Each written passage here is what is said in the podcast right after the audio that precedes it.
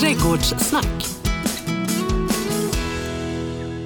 Ja, vi är tillbaka ute i trädgårdslandet eh, och eh, nu, alla som är lite känsliga, ta det lite lugnt. Nu kommer det handla om porr. Nej, det är inte porr. Det kommer handla om flickor och pojkar och vad som händer.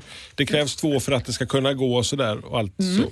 Ja, Eh, lite vi- så. Alltså, du har tagit med dig Magnus idag också, Annika. Ja, alltså det han, Magnus sexologen här blir det då. För vi ska prata om sex på sätt och vis. Okej. Och då, då är det så att Magnus han får prata om det där som, som är Alltså som nästan inte går att förstå. Alltså du kommer ihåg avsnittet med magnolier? Ja. Alltså han sätter ju samman olika magnolier Ja. och stoppar i frysen och allt vad han nu gör för någonting. Så han, han gör mycket mer än jag och så kan jag ju försöka prata om det som är eh, mer vanligt, alltså flickor och pojkar, men det där det är lite viktigt, Ja. alltså sådana som jag känner till då. Så kan Magnus få Så ta det är lite grann resten som av trädgårdsvärldens. Fråga Olle, lite så. Det är inte så komplicerat. Alltså det, det, det är ju människan som alltid komplicerar allting. Ja, så är det ju. Ta det som det är så blir det bra. Ja.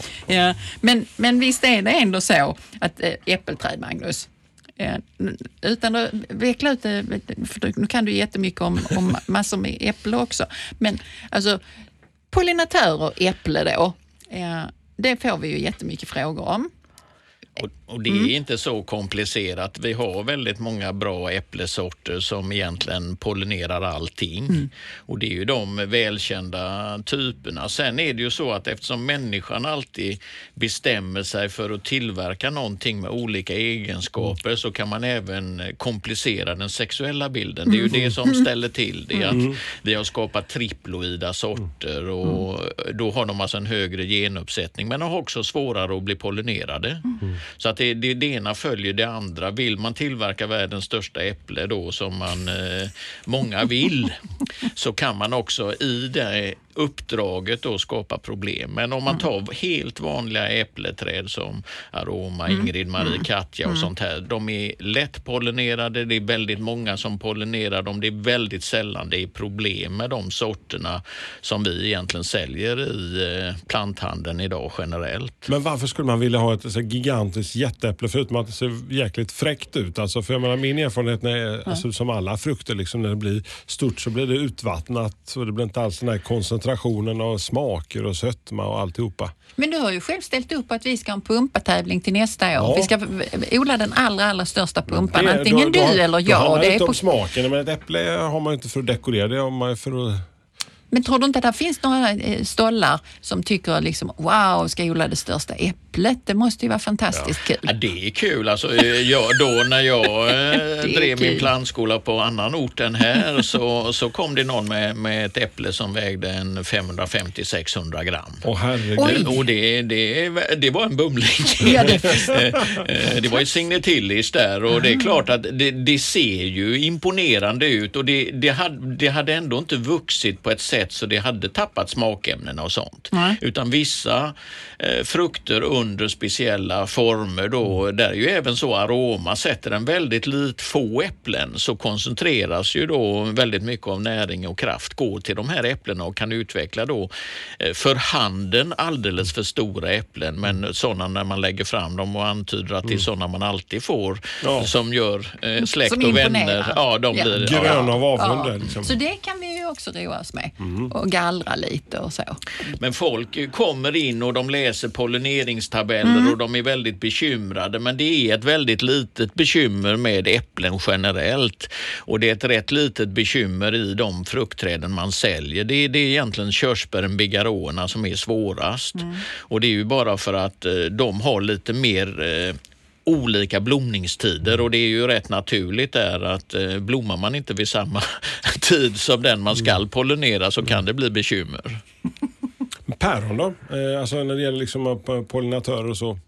Eh, Det är ju egentligen, eh, då får man väl till skam säga att Göteborgs diamant som är en gammal känd sort är ju den enda som pollinerar kända pollinatören av gråpäron.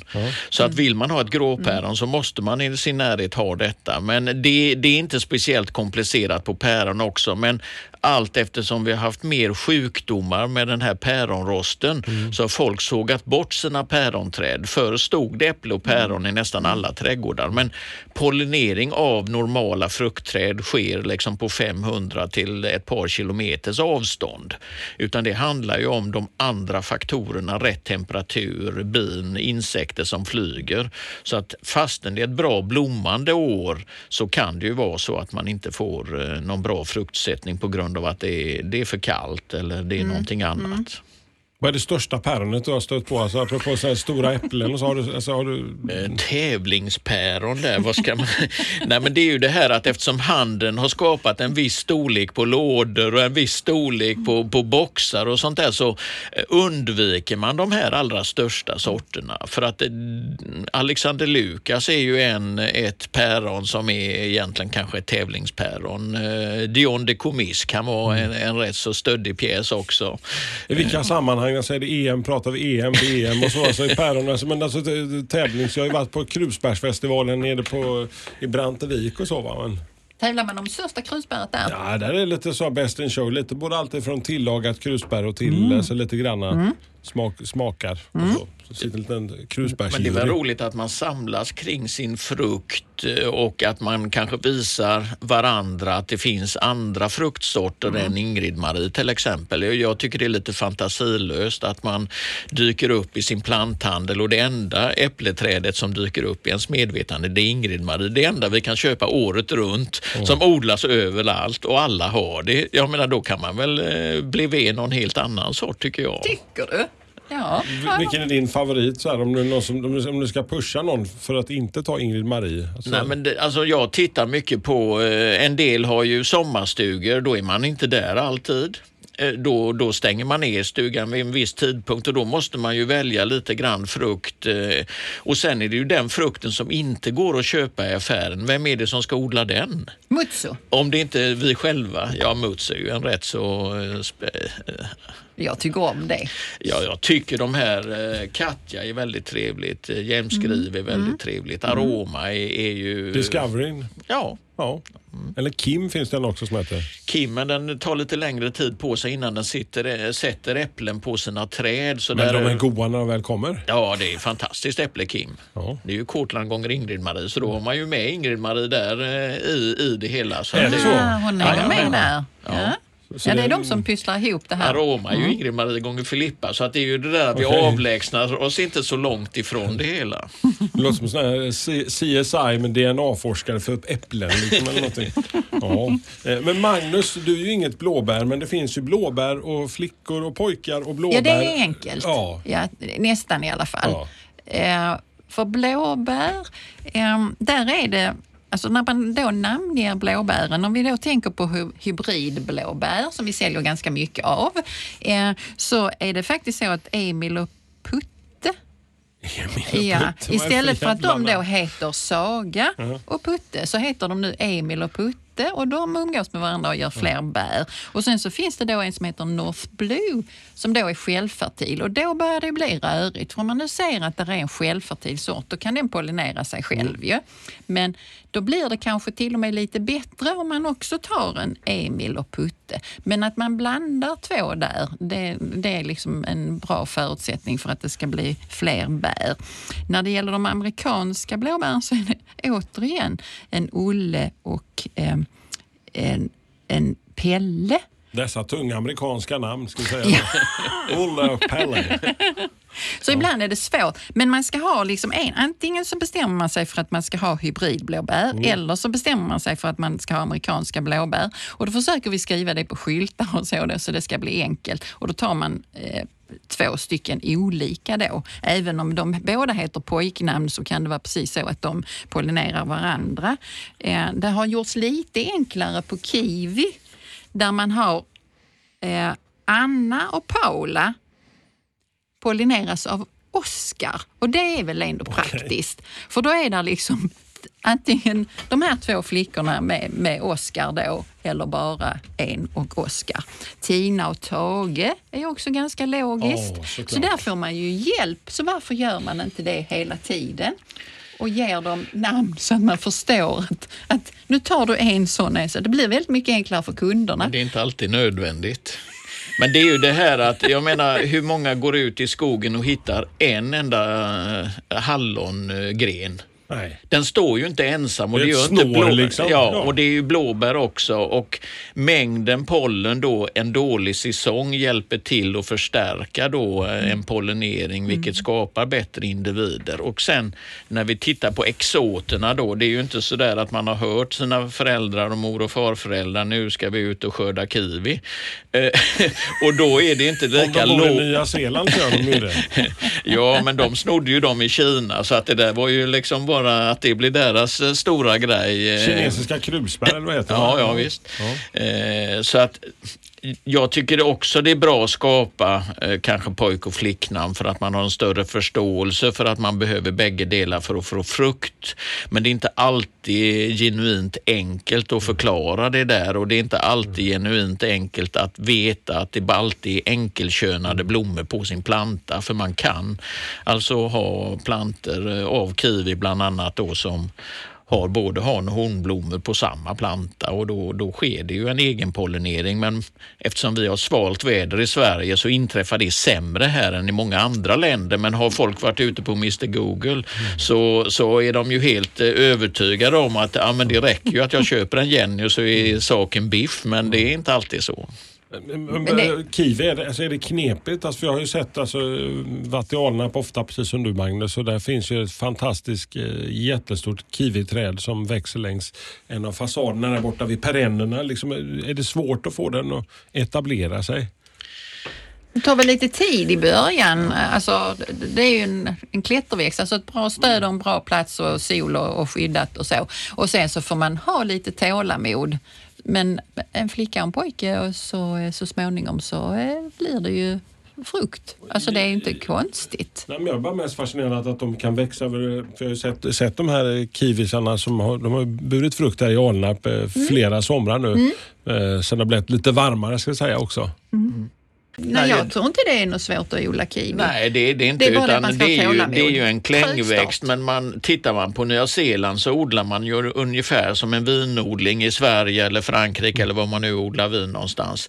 Att man klipper ju in dem väldigt hårt och så drar man ut speciella stänglar då och där vill man ha frukten och det är ju det där att man vill ha värmen och solen för att öka sockerhalt och smaken i bären medan vi ser dem mer som snår som täcker kanske något område som man inte är så förtjust i. Eh, Jag tycker, har man bara lite långsiktig plan för sin klängkiwi då så, så är det okej men den är inte lika snabb utväxling på den som på en del andra klängväxter. Ett poddtips från Podplay. I fallen jag aldrig glömmer djupdyker Hasse Aro i arbetet bakom några av Sveriges mest uppseendeväckande brottsutredningar. Går vi in med hemlig telefonavlyssning och, och då upplever vi att vi får en total förändring av hans beteende. Vad är det som händer nu? Vem är det som läcker?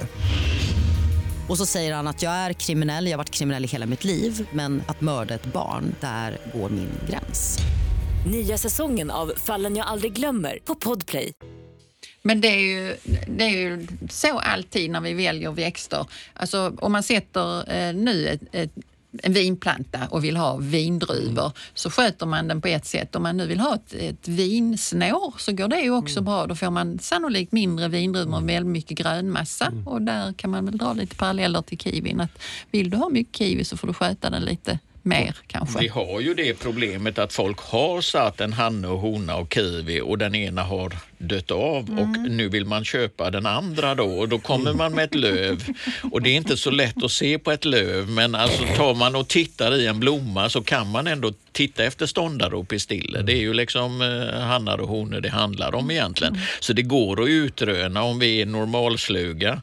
I en del andra individer kan man avgöra det genom att se det och det kan man även på växter om man tittar efter. Men det är inte så många som kommer just med blommorna när man kan titta på det utan man kommer med ett blad istället och Ja, man tror kommer att vi med ska titta. och så vill man precis. ha, eh, Veta vad är detta, Eh, en av de 800 vanligaste äppelsorterna, Ja. kan du Ja. säga vad det är? Så nu det- förstår ju alla som som lyssnar på detta då att man måste, man måste komma med någonting som vi verkligen kan se Ja. skillnad. Man kan ringa till oss och fråga och sen komma i rätt tid då när kiwin blommar eller så. Det är inte lönt att komma med ett rosblad i, i, som har trillat ner nu och fråga Då vad det är för man- ros. Då har vi det svårt. Då ringer man fruktakuten på Flyinge plantshop och då, då rycker Dr. Magnus eller Dr. Annika ut där också då eller? Men alltså de här flickorna och pojkarna då, de här röriga sakerna då som, som vi säger, alltså där det ibland spelar roll och ibland spelar, alltså skimmiga till exempel. Eh, Där tycker jag, där får man ju ofta, alltså för det första så tror ju folk att skimmiga, alltså det här vinterbäret, det säljer vi ju mycket nu på hösten för att de har så vackra bär, tror folk. Men det är ju blomknoppen man ser. Men det är ju det att folk är ju väldigt rädda för giftiga växter. Man är rädda för gifter överhuvudtaget och då är det ju så att man har gett någon i uppdrag, ta bort bären, för de kan man skriva lätt att de är giftiga. Och då har man korsat fram sådana som blommar väldigt fint men då inte har några bär helt enkelt. Så att där är det ju mer människans klåfingrighet att skapa någonting som, som inte existerar innan och det har man gjort då genom att skapa då självsterila eh, kloner helt enkelt som vi producerar för att de ska ge en bra blomning. Medan i naturen, skimja vildväxande i Japan och Kina där de växer, så är det ju hannar och honor och bärsättande. Och, eh, så att eh, det är ju mer det här att kunden måste fråga, för det är väldigt vanligt eh, hos många växter, järnek, idegran, eh, skimja då, att eh, någon har läst att bären är giftiga och då ska jag inte ha dem. Men jag menar, det är fortfarande bra för fåglar och djur och vilt och sånt och jag menar, jag tycker de också kan få finnas. Så att det, Men alltså bär på idegran, eh, det förekommer? jajamän. Det, de, de är jättevackra. De, alltså de sitter ju kvar länge och är små röda, små röda kulor i det här gröna barret och så. Jag tycker de är snyggt. Vi har en växt som står ute på planttoppen nu som är alltså, klippt som små bollar. Eh, alltså lite så, tänk dig en, som en bonsai fast det är bollar längst ute på grenarna då där det sitter röda bär. Så, alltså den tycker jag är jättefin. Ja, jag också. Och Det är ju det där, åh, är inte den giftig, säger en del kunder. Men jag säger det, det är så sällsynt att man snubblar och tuggar vildsint till det man ramlar i. Så att förgiftningsfallen är så få så man ska nog inte vara orolig för det. Vet man att en, en växt är giftig, ha respekt för det men eh, gör ingen affär av det. Naturen har ju skapat detta av en viss, eh, ett syfte då där fåglarna ska ju äta de här och det gör de också så att man får ändå inte kvar eh, bären hela vintern. Men de är det- lite mer toleranta fåglarna över, överlag eller? När det gäller att stoppa i sig? Ja, alltså det, jag vill inte komplicera den bilden ytterligare där med hur det hänger ihop, men många gånger är det ju så att en del frön måste passera en tarmkanal för att gro överhuvudtaget. Så att det där är ju en förutsättning att någon glufsar upp dem, så när de bara faller i en hög så är det inte alltid det händer någonting. Det är som de här kaffebönorna som där nere på Java och Sumatra. Liksom, de käkar kopilovak. där, så Det är, något sånt där djur som käkar kaffebönan. Och sen åker de igenom mag-tarmkanalen och sen plockas de kaffebönorna upp ur mm. Mm avföringen, torkas och rostas till kaffebönor och är ett av världens mest exklusiva kaffesorter. Men det, det, alltså jag måste säga, vi är väldigt lättlurade. Vem vill betala extra för det? När det finns så mycket gott kaffe ändå? Är jag Ja, dum det, eller? nej, det är Vi har väldigt ju gott. inte provat detta kaffet Annika. Spelar Vi- vi ingen kanske- roll. Ja. Jag, tycker, jag hade känt mig lurad. Ja, Hasse bjuder, då Ja. hade vi ju bara lätt eh, varit väldigt inställsamma. Ja, när när jag vinner på tipset så lovar jag att köpa ett kilo Kopi Lovak.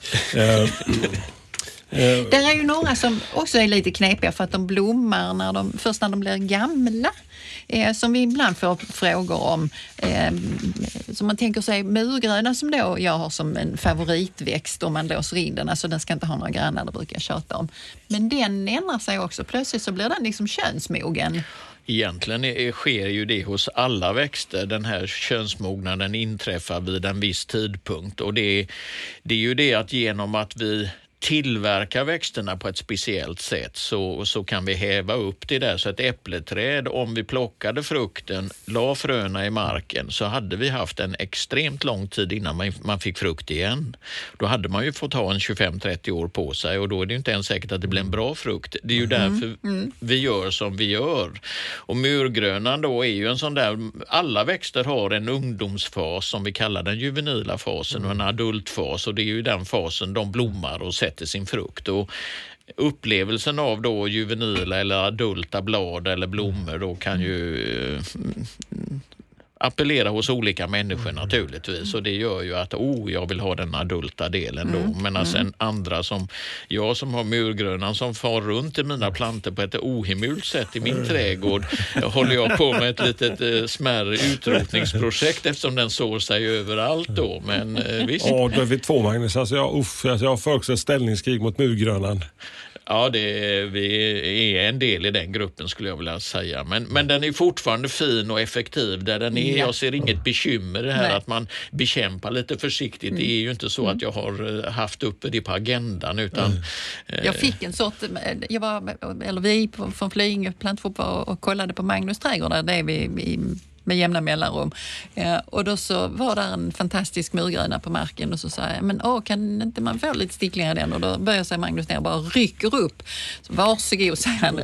Och nu har jag ju den i min trädgård då, men då har jag den inlåst. Den har oerhört stora vackra blad och den bor i min bambudjungel och där den inte ger en fluga för när. Och den sprider sig som en löpeld, men den är alltså helt magnifik för att jag har den vad ska man säga, under kontrollerade former. Så jag tror inte... Men det är ju olika bladuttryck och där är det ju som stora äpplen, eh, stora löv. Alltså det, det appellerar till olika hur man egentligen ser på växten. En del tycker om brokiga löv, en del tycker om krusiga löv, en del vill bara ha en storlek. Men en storlek kan ju kanske lösa ogräsrensning bättre än en småbladighet. Alltså det, sådana tankar finns alltid med. Men eh, rätt användningsområde, att man är lite glad att se sin kompis, det är alltid en förutsättning.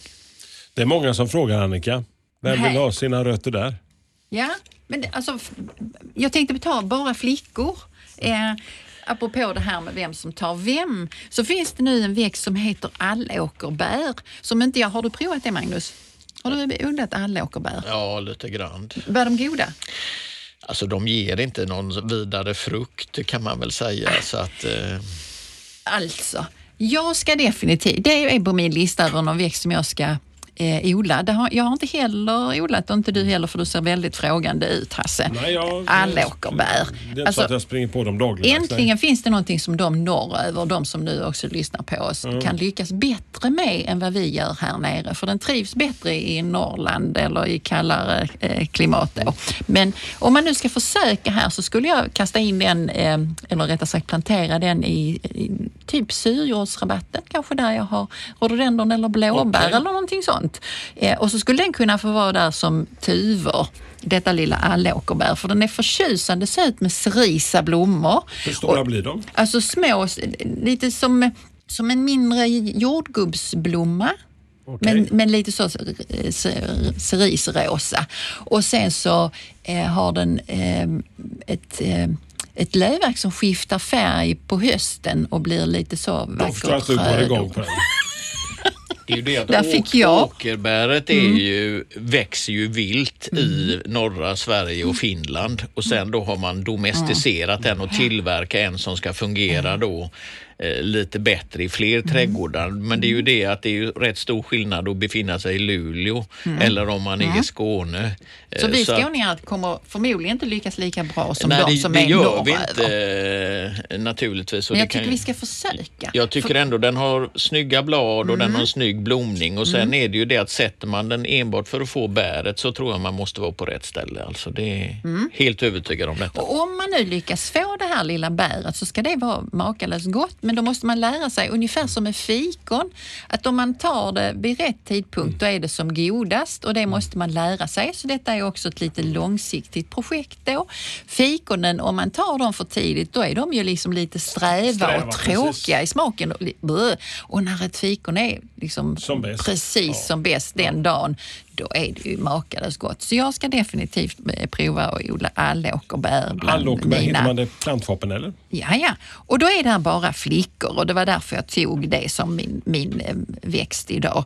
Alltså då heter de sådana fantastiska saker som Anna, Beata, Linda och Sofia. Oh, Ingen pojke i sikte. det låter som en Elsa Beskow-saga nästan. Mm, så vill någon ha bara flickor i trädgården så är detta så. Och så tar du två. En, en Linda och en, en någonting annat. Så Vad blir, det, mysigt. så blir det jättemysigt. Vad, Mm. som, vad som kunde vara kul att göra just nu inför helgen och inför kommande veckor. Har du några tips? Alltså, det, det är fortfarande möjligt ju att sätta eh, lök. Eh, alltså, Vitlök eh, till exempel? Vitlök till exempel. Eh, och man kan definitivt eh, botanisera ut hos oss eh, om vi har lök kvar.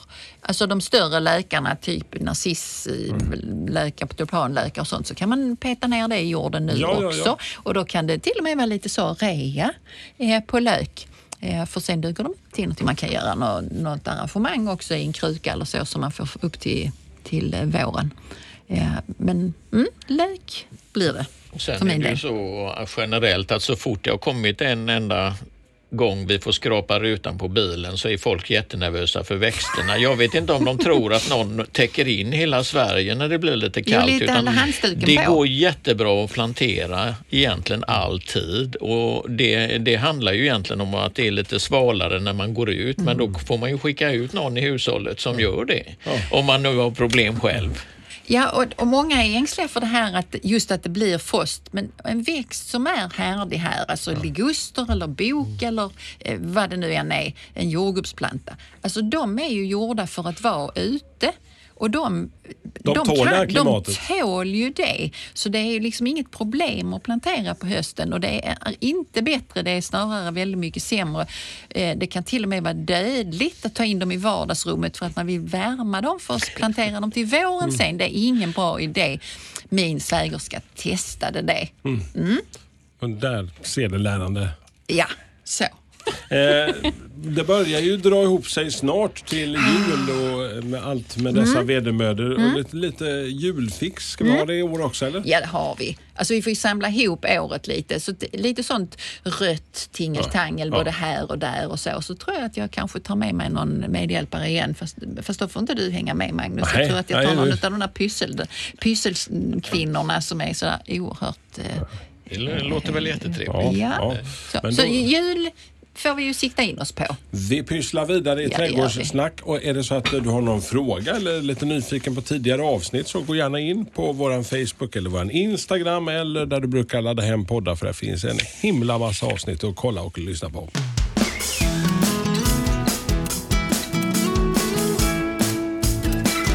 Trädgårdssnack. Ett poddtips från Podplay. I fallen jag aldrig glömmer djupdyker Hasse Aro i arbetet bakom några av Sveriges mest uppseendeväckande brottsutredningar. Går vi in med hemlig telefonavlyssning och, och då upplever vi att vi får en total förändring av hans beteende. Vad är det som händer nu? Vem är det som läcker? Och så säger han att jag är kriminell, jag har varit kriminell i hela mitt liv men att mörda ett barn, där går min gräns. Nya säsongen av Fallen jag aldrig glömmer på Podplay.